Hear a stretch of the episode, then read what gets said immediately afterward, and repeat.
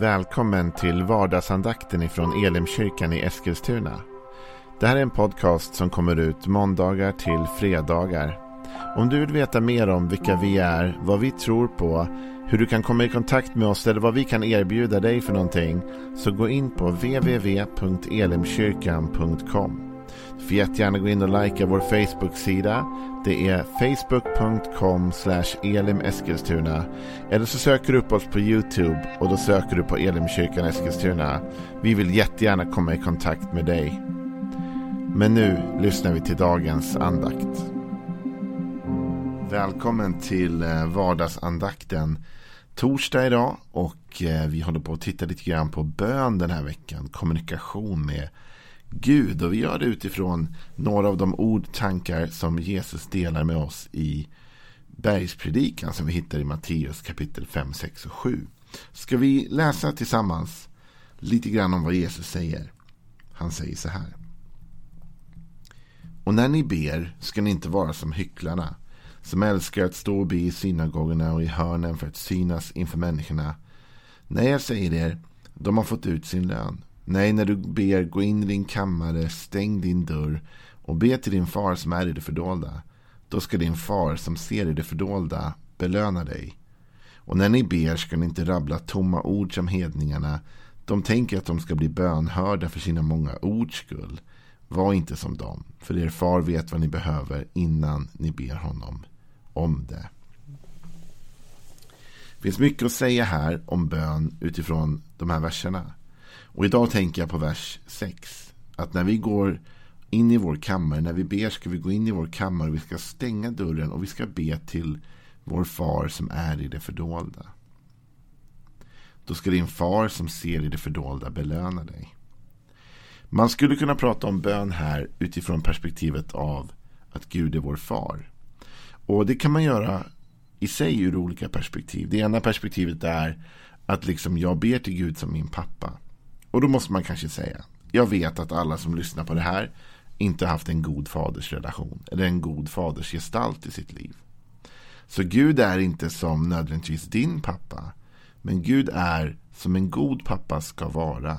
Det finns ju dåliga fäder och det finns också goda fäder. Och Gud är urtypen för en god pappa. Bibeln beskriver Gud som alltigenom god. Som kärlek och allt annat som bildar en bild av en god fader. Och ett barns relation till en god förälder är ju på ett visst sätt och manar då till en viss typ av bön.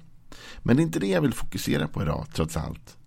Utan jag vill fokusera på vad han säger när han säger då ska din far som ser i det fördolda belöna dig.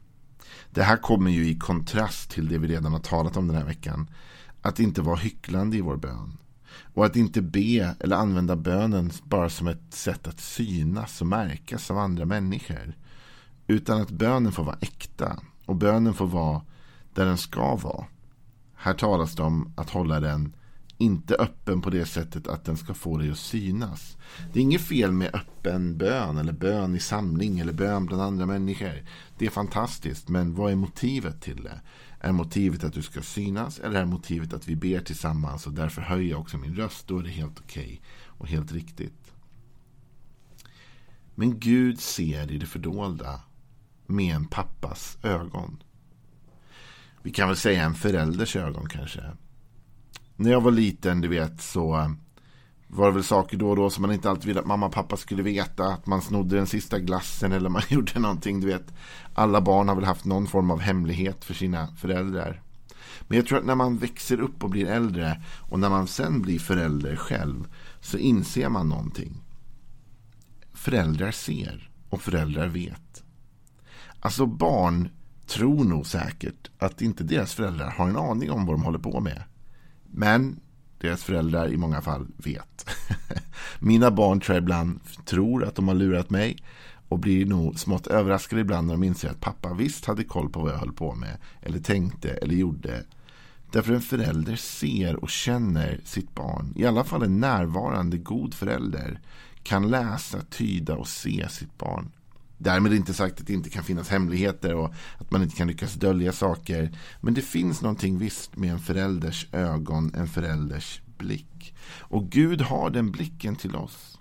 Det är därför det här med äktheten i bönen blir ännu viktigare och ännu tydligare. Det finns ingen anledning att försöka dölja någonting, försöka låtsas som att något inte finns där som finns där. Utan det är bättre att vi är ärliga och säger till Gud, okej okay, Gud, så här är läget. Och Gud kan svara oss i vårt innersta, jag vet. jag vet det redan. Jag visste att det var du som åt sista glassen. Nej, men jag visste att det var du som gjorde det där. Eller jag visste att du tänkte på det där. Eller jag visste att du brottades med det där. Fastän du inte sa det. Du vet, en förälder kan ibland se när ens barn mår dåligt. De behöver inte säga jag mår dåligt, man ser det. Och ibland behöver man inte ens liksom, man kan komma till dem och säga hur mår du?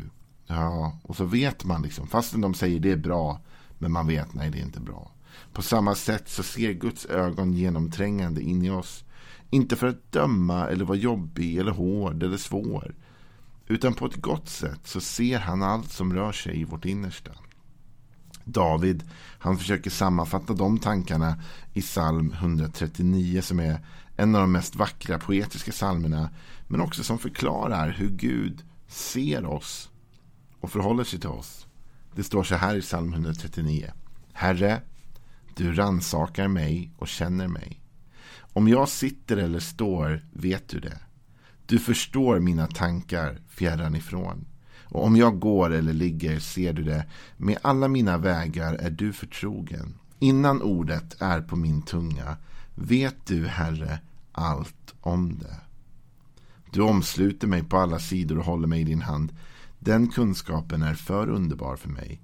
Den är så hög att jag inte kan fatta den. Så här talar David om just detta. Att Gud vet. Gud känner. Gud ser. Han känner mina tankar fjärran ifrån. Om jag går eller ligger vet han det. Han är förtrogen med alla mina vägar. Han vet alla mina sätt, alla mina ursäkter. Men han vet också alla mina drömmar och all min längtan. Och han vet allt om mig. Det vet Gud redan innan jag ber. Allt det där är öppet för honom. Han ser det tydligt. Och det borde ju göra någonting med vår kommunikation med Gud. När vi ber till vår fader i det fördolda så är det fördolda inte fördolt för Gud utan han ser in i den kammaren. Och det borde göra att vår bön blir djupare och mer ärlig och mer öppen för Gud. Du vet ju redan. Du ser ju redan. Du känner ju redan till det här Gud. Det här är ingen nyhet för dig som jag berättar nu. Du vet innan ordet ens är på min tunga Gud. Allt om det. Och i någon översättning står det vad jag vill säga. Och det gillar jag. Den översättningen som säger innan ordet är på min tunga vet du Herre allt jag vill säga. För det visar att även när jag ibland har svårt att formulera mig eller jag ibland har svårt att uttrycka min bön till Gud så vet Gud redan vad det är jag vill säga. Ibland när mina barn kommer till mig och krånglar till någonting de ska försöka säga eller förklara så är det nästan så att jag vet det redan. Ibland vet jag när de kommer in i rummet vad de kommer fråga mig om. Och då tänker du så här, är du synsk Joel? Är det någon, eller är det din starka profetiska gåva som gör att du vet ibland när barnen klampar in exakt vad de vill? Nej, det är bara erfarenhet. Erfarenhet av att jag vet ungefär vid vilka klockslag, tider de vill vissa saker. Nu är det glassdags. Eller nu vill de ha det här. Eller ha, klockan är elva, nu kommer de. Ja, nu är det lunch. Eller vad det kan vara. Nu kommer de fråga om det, nu kommer de vilja det. Man liksom lär sig att tyda sina barn. På samma sätt är det så att när vi går till Gud så vet han redan. Innan vi säger någonting, innan orden formas i vår mun. Så vet Gud vad det är vi vill förmedla. Och det innebär inte att vi inte behöver förmedla det. Det innebär inte att vi inte ska säga det. Det innebär bara att vi kan vara trygga i vår kommunikation med Gud. Han förstår. Han vet. Han fattar till och med det jag inte fattar. Han är nog mer förtrogen med mitt hjärta än vad jag är. Han tyder mig och läser mig och känner mig. Och det gör att i bönen så kan jag vara trygg, kan jag vara äkta. Det innebär också att i bönen är all form av hyckleri eller manipulation onödig. Den duger inte, den funkar inte, den ger inte resultat. Därför Gud vet redan sanningen. Utan det enda som håller i vår kommunikation med Gud, vår bön till Gud, är ärlighet och äkthet. För Gud vet redan hur allting ligger till. Han är förtrogen med alla våra vägar. Du vet Jesus, han ger oss ett exempel på det. Jesus ska just be en av de mest speciella böner jag tror han har bett. Han ska be att en död man kommer ut ur en grav. Den mannen var Lazarus, en av Jesu vänner som hade dött. Och som hade blivit begravd. Och Jesus kommer dit när Lazarus redan är begravd. Han går till graven. Och han ber faktiskt de som, som är där att flytta på stenen så att han kan ropa ut Lazarus. Och ja, motvilligt till slut lyckas han ändå få dem att göra det. Men så kommer vi då till Jesu bön och den inleds på ett så intressant sätt. Och det lär oss någonting om detta med bönen. Jesus säger så här i Johannes 11 och vers 41. De tog bort stenen och Jesus lyfte blicken mot himlen och sa Far, jag prisar dig för att du hör mig. Jag vet att du alltid hör mig. Men jag säger det här för folket som står här för att de ska tro att du har sänt mig. När han hade sagt detta ropade han med hög röst Lazarus kom ut och den döde kom ut med fötter och händer inlindade i bindlar och med ansiktet täckt av en duk och Jesus sa till dem Gör honom fri och låt honom gå. Så Jesus börjar den här bönen med först en lovsång kan man säga. En tacksägelse. Tack far, jag prisar dig för att du hör mig.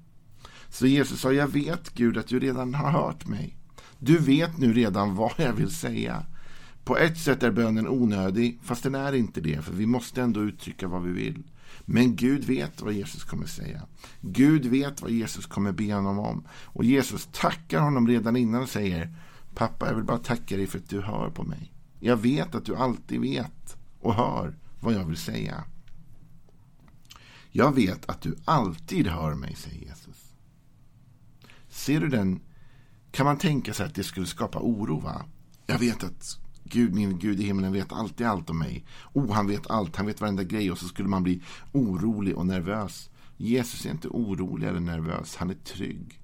Han är trygg och lugn. Därför han har en god fader. Och han säger så här, jag tackar dig, jag prisar dig Gud för att du hör mig. Jag vet att du alltid hör mig. Och det är inte så att Jesus säger det på något jobbigt sätt, tvärtom.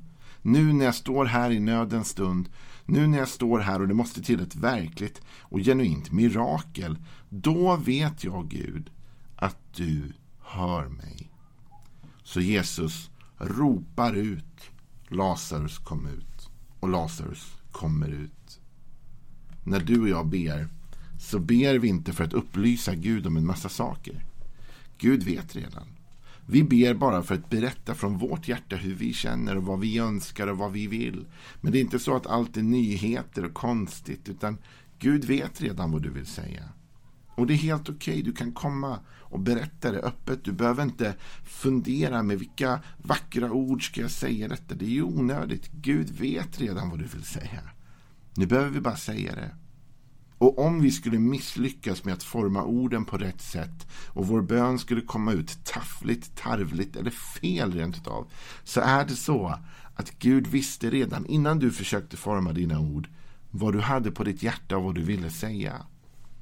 Så även om bönen blir knasig så läser inte Gud bara din bön, han läser ditt hjärta. Och han läser ditt liv. Och han vet vad det är du egentligen vill be honom om. Och därför kan han svara på din bön även om dina ord är otillräckliga och även om det kunde varit formulerat bättre och tydligare. För Gud har redan sett och Gud har redan hört. Är det inte värt att ta en stund den här torsdagen att tacka Gud precis som Jesus gjorde för att du alltid hör oss? Det tycker jag vi ska göra. Låt ta den stunden nu på en gång vet jag. Sätt dig en stund och tacka Gud för att han hör din bön. Och så ses vi imorgon igen och pratar ännu mer om bön.